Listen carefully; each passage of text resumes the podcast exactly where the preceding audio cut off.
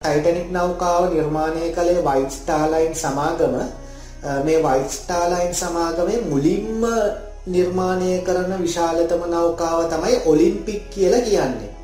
ඊට පස්සේ ඔලිම්පික් නෞකාවේම කොපියක් අරගෙන බොහොම සුළුවෙන් මොඩිෆයි කරලා නැත්නම් වැඩි දියුණු කරලා තමයි ටයිටැනික් නෞකාව නිර්මාණය කරන්නේ. ඒ නිසා ඔලිම්පික් සහ ටයිටැනික් කියන්නේ නිවුන් සහෝදරියෝ කියලා තමයි හඳුන්වන්නේ. ටයිටැනික් නෞකාව නිර්මාණය වෙනකොට තව නෞකාවක් නිර්මාණය කරනවා බ්‍රිටෑනික් කියලා. බ්‍රිටෑනික් නෞකාව ටයිටැනික් නෞකාවටත් වඩා විශාලයි. එතකොට බ්‍රිටෑනික් නෞකාවේ සැලසුමට ගන්න ටයිටැනික් නෞකාවේ කොපියක්.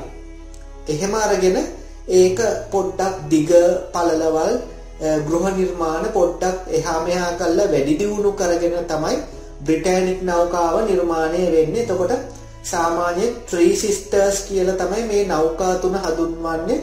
එකම නිවුන් සහෝදරියෝ. එතකොට මෙතන එක්තරා ආකාරයක න්‍යායක් නැත්නම් තියරියක් තියෙනවා මේ ටයිටැනික් නැව නෙමේ ඇත්තටම ගිලුනේ ඔලිම්පික් නැව කියන එක. ඒක එක්තරාකාරයක තියරියක් නැත්නම් න්‍යායක් විතරයි. ඒක 100%ක් ඇත්ත කියලා ඒ කියන්නේ අපිට එහෙම් පිටින්ම පිළිගන්න බෑ. ඒක එක්තරාකාරයක මතයක් විතරයි. එතකොට මේ මතය අනුව 1911 දී මේ ඔලිම්පික් කියන නෞකාව HMS Hawke කියලා මේ එංගලන්තයේ යුද නෞකාවක හැප්පෙනවා.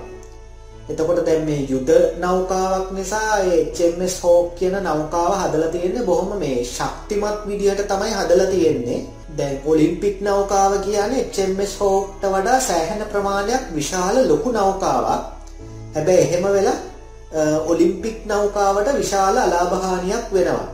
ඊට පස්සේ මේක ගැන පරීක්ෂණයක් කරනවා. මේ පරීක්ෂණයේදී හෙළි වෙනවා මේ ඔලිම්පික් නෞකාව සහ HMS Hawke කියන මේ යුද නෞකාව කියන මේ නෞකා දෙක එකට හැප්පීමේදී වරදකරු වෙන්නේ ඔලිම්පික් නෞකාව කියලා. මොකද කිසිම පරීක්ෂාකාරී බවක් නැතුව නැත්නම් අපරීක්ෂාකාරී විදියට තමයි මේ නෞකාව ගමන් කරලා තියෙන්නේ.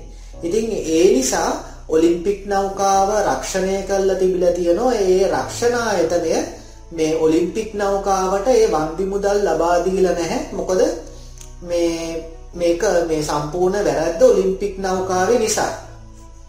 එතකොට මේ සිද්ධිය වෙන්නේ 1911 දී ඉතින් වයිට්ටාලයින් සමාගම ඒ කියන්නේ ඔලිම්පික් නෞකාව හදපු සමාගමට විශාල කොස්ට් එකක් නැත්නම් විශාල පාඩුවක් වෙලා තියෙනවා මේ නෞකාව හදාගන්න බැරුව යම් කාලයක් ඉඳලා තියෙනවා සල්ලි නැතුව මේ අලාභහානිය නිසා ඉතින් ඒ 1911 අවුරුද්දේ 1912 අවුරුද්දේදී ටයිටැනික් නෞකාව ගමන් වාර ආරම්භ කරනවා.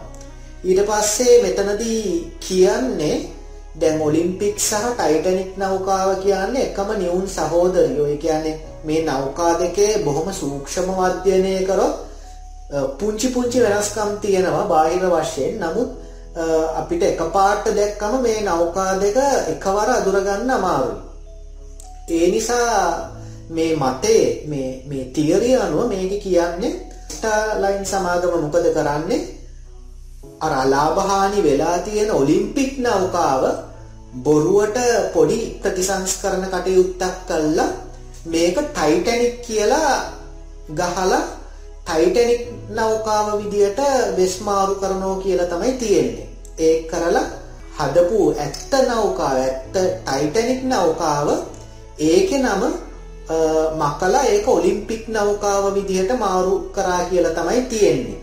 මේගොල්ලෝ කරාය කියන්නේ ඒක හිතාමතාම අයිස්කන්දක වැද්දුව කියලා තමයි කියන්නේ. එතකොට නෞකාව මුහුදුබත් වෙනවා. ටයිටනික් නෞකාවට රක්ෂණය කරලා තියෙන ඒකට විශාල ඒ වන්දි මුදල නැත්නම් ඒ අදාළ මුදල හම්බ වෙනවා. එතකොට ඒ මුදලෙන් අර ඔලිම්පික් නෞකාව HMS Hawke නෞකාවේ හැප්පිලා ඒ වෙච්ච අලාභහානිය වයිස්ටාර්ස් ලයින් සමාගම පියවගත්ත කියලා තමයි ඒ තියරියේ තියෙන්නේ. එතකොට අදටත් යම් පිරිසක් විශ්වාස කරනවා එහෙම ගිලුනේ ටයිටැනික් නෞකාව නෙමේ ටයිටැනික් කියලා බොරුවට නම වෙනස් කරලා යවපු ඔලිම්පික් නෞකාව ඒ වගේම ඇත්ත ටයිටැනික් නෞකාව ඔලිම්පික් කියලා නම වෙනස් කරලා විශාල කාලයක් සාර්ථක ලෙස අතිසාර්ථක විදියට ඒක ඒ ගමන් වාර වල නැත්නම් ඒ මගී ප්‍රවාහන කටයුතු වල නිරත වුණා කියලා තමයි මිනිස්සු විශ්වාස කරන්නේ. එතකොට මෙතනදී තව දෙයක් තියෙනවා දැන් ටයිටැනික් නෞකාව ගිලිලා මිනිස්සු 1500ක් විතර නැති වුණානේ. එතකොට එතනදී මේ තියරිය ගොඩනගන අය කියන්නේ ඒ වයිස්ටාර් ලයින් සමාගමේ ප්ලෑන් එක පොඩ්ඩක් වැරදෙනවා කියලා. ඒ කියන්නේ මෙයාලගේ ප්ලෑන් තිබ්බාය කියනවා නෞකාව අයිස්කන්දේ වැඩිලා බොහොම හෙමිහිට ගිලෙන්න සැලසුමක් තමයි මේගොල්ලෝ ප්ලෑන් කරන් හිටියාය කියන්නේ. හැබැයි ප්ලෑන් එක පොඩ්ඩක් වෙනස් වෙලා තියෙනවා. හිතුවට වඩා අයිස්කන්දෙන් ඒ කියන්නේ වැදිලා නෞකාව ගිලීමේ වේගය වැඩි වෙලා තියෙනවා. ඒ වගේම තමයි අහල පහල නෞකා ඉදලත් නැහැ ෂණිකව මේ කට්ටියව බේරගන්න දැන් ඔරිජිනල් සැලසුමේ තිබ්බේ බොහොම හෙමින් ගිලෙන්න අරින්න බොහොම හෙමින් ගිලෙන්න ඇරියනම් අනිත් නෞකා ටයිටනික් නෞකාව තියෙන ප්‍රදේශයට එනකොට සියලුම මගින් බේරගන්න පුළුවන්කම තිබ්බාය කියලා තමයි කියන්නේ ඔරිජිනල් සැලසුමේ හැටියට. ඉතින් මේක එක්තරාකාරයක තියරියක් විතරයි.